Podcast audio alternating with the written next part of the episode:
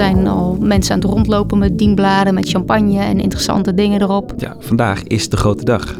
Vandaag gaat het gebeuren. Muzikanten en bedienden en zelfs een paar mensen uit het dorp kwamen kijken. Ja, wie de nieuwe buren waren, denk ik. Ik kende niemand op die bruiloft, behalve dan die paar gasten die al in het huis verbleven. Ik was ook niet per se uitgenodigd. Ik sla een paar glazen champagne achterover en ik uh, trek me even terug met mijn vriendinnen in mijn kleedkamer. En op dat moment lijkt het gewoon even een bruiloft zoals je daar uh, uh, ooit naar uitgekeken hebt en zoals je het je voor hebt gesteld. Die nacht werd ik wakker um, en ik was nog een beetje suf van de wijn.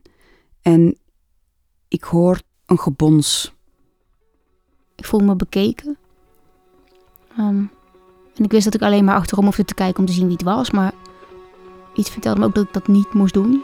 Precies of iemand was met zijn vuist tegen een muur aan het slaan. Terwijl ik met mijn ogen dicht op bed lig, voel ik ineens dat, dat er iemand in de kamer is. Het was precies of dat geluid kwam uit de muren zelf. Phasmophobia, de nieuwe serie van de makers van de Blankenbergen tapes. Vanaf 20 december in je favoriete podcast-app.